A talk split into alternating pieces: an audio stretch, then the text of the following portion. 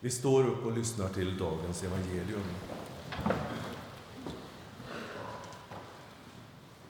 Ni är jordens salt. Men om saltet mister sin kraft, hur ska man då få det salt igen? Det duger inte till annat än att kastas bort och trampas av människorna. Ni är världens ljus. En stad uppe på ett berg kan inte döljas och när man tänder en lampa sätter man den inte under sädesmåttet utan på hållaren så att den lyser för alla i huset. På samma sätt ska ert ljus lysa för människorna så att de ser era goda gärningar och prisar er fader i himmelen. Amen. Varsågoda och sitt.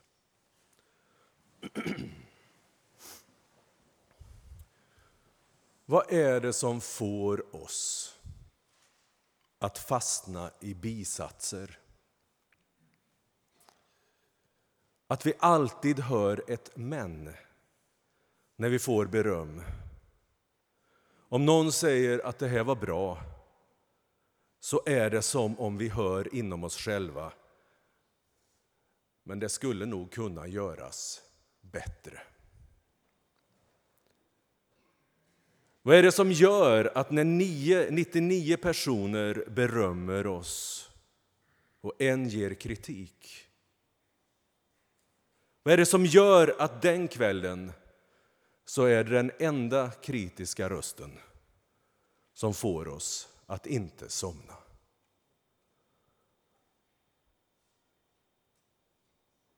Det är som om vi är oförmögna att ta emot beröm. Det är som vi anar att det finns en hake. Och kanske är det så i vår fallna värld att det är nödvändigt. För vem kan man lita på? När Jesus säger att vi är jordens salt och världens ljus så dröjer det inte länge förrän vi fastnar i den följande meningen. Många predikningar, och jag tror inte jag är oskyldig själv, som hållits över den här texten handlar egentligen inte så mycket om att vi är salt och ljus. Det är som att det sägs mer i förbigående. Istället läggs betoningen på att saltet får inte mista sin sälta, inte förlora sin kraft.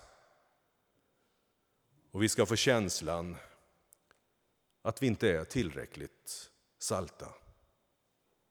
Och att vi, du och jag, sätter vårt ljus under skeppan eller sädesmåttet, som det står i nya översättningen. Och slutklämmen blir att vi måste lyfta ljuset högre.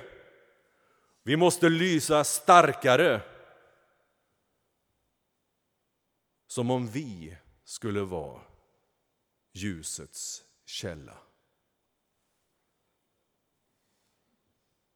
Det är som om vi dras till det som bottnar i vår egen tomhet, självförakt och otillräcklighet.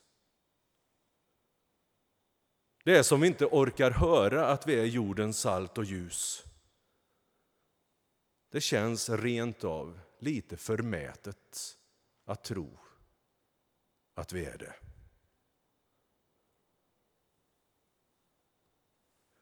I liknelsen om den förlorade sonen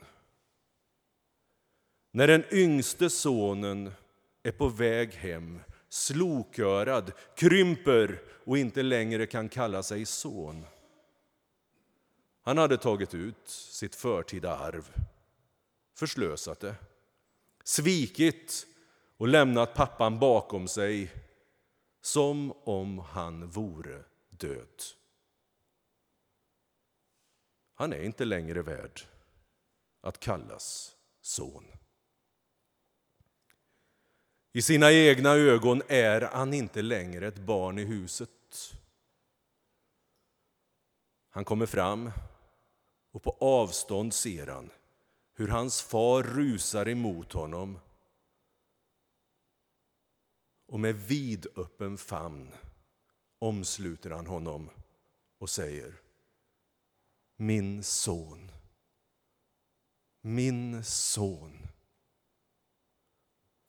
Men pojken lyssnar inte utan fortsätter Jag är inte längre värd att kallas din son. Och nu är det pappan som inte lyssnar.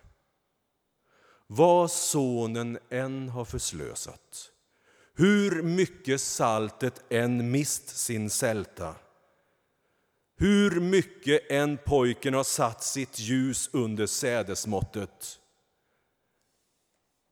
är pojken framför honom den gamle mannens älskade barn. Och hur mycket den äldre sonen därefter vill stöta bort den yngre kan inget ändra på verkligheten. Fadern sa till honom, alltså den äldre sonen, mitt barn, du är alltid hos mig och allt mitt är ditt.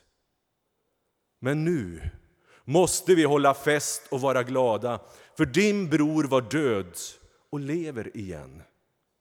Han var förlorad och är återfunnen. Så beskriver Jesus Gud som den barmhärtige Fadern. Samma Jesus säger till lärjungarna Ni är världens ljus.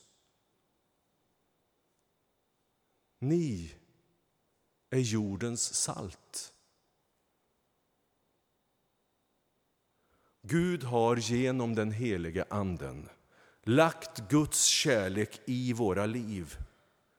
Vet ni inte, säger Paulus, att ni är den helige Andes tempel? Vi är Guds barn och kallade att i kärlek tjäna Gud. Det är inte våra misslyckanden och vår otillräcklighet som är måttet på om vi är Guds barn. Jordens salt eller världens ljus. Vi är det därför att Gud har kallat oss till det. Vi är det inte för att vi presterat det utan därför att Gud säger det. Det är inte vi som är ljuset med stort L. Det stora ljuset kan tända ljus inom oss. Det är Gud som är ljuset, det stora ljuset. Att vi är världens ljus beror inte på vår inre förträfflighet, vår egen kraftfulla utstrålning utan på att vi återspeglar Guds ljus. Lite som månen. Det lyser på oss därför att den är belyst av solen. Månen, som inte ens har en egen kraftkälla kan lysa så starkt att det lyser upp en nattvandrares väg. Visserligen inte så som solen men det räcker för att lysa upp vår natt. Att vara varandras ljus i mörkret. Därför att Gud har belyst. Vår kallelse är att bli belyst.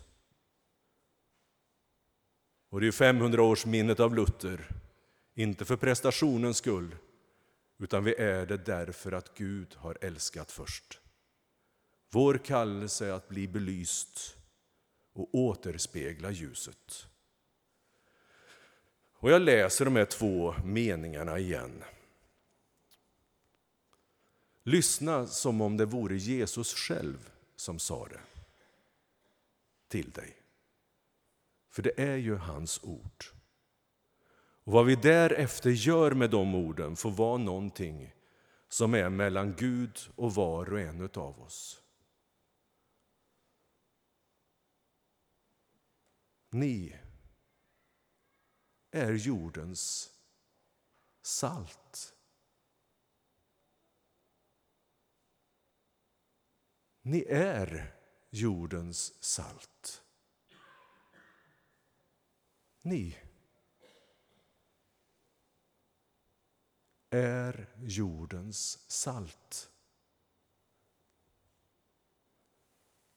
Ni är världens ljus. Ni är världens ljus.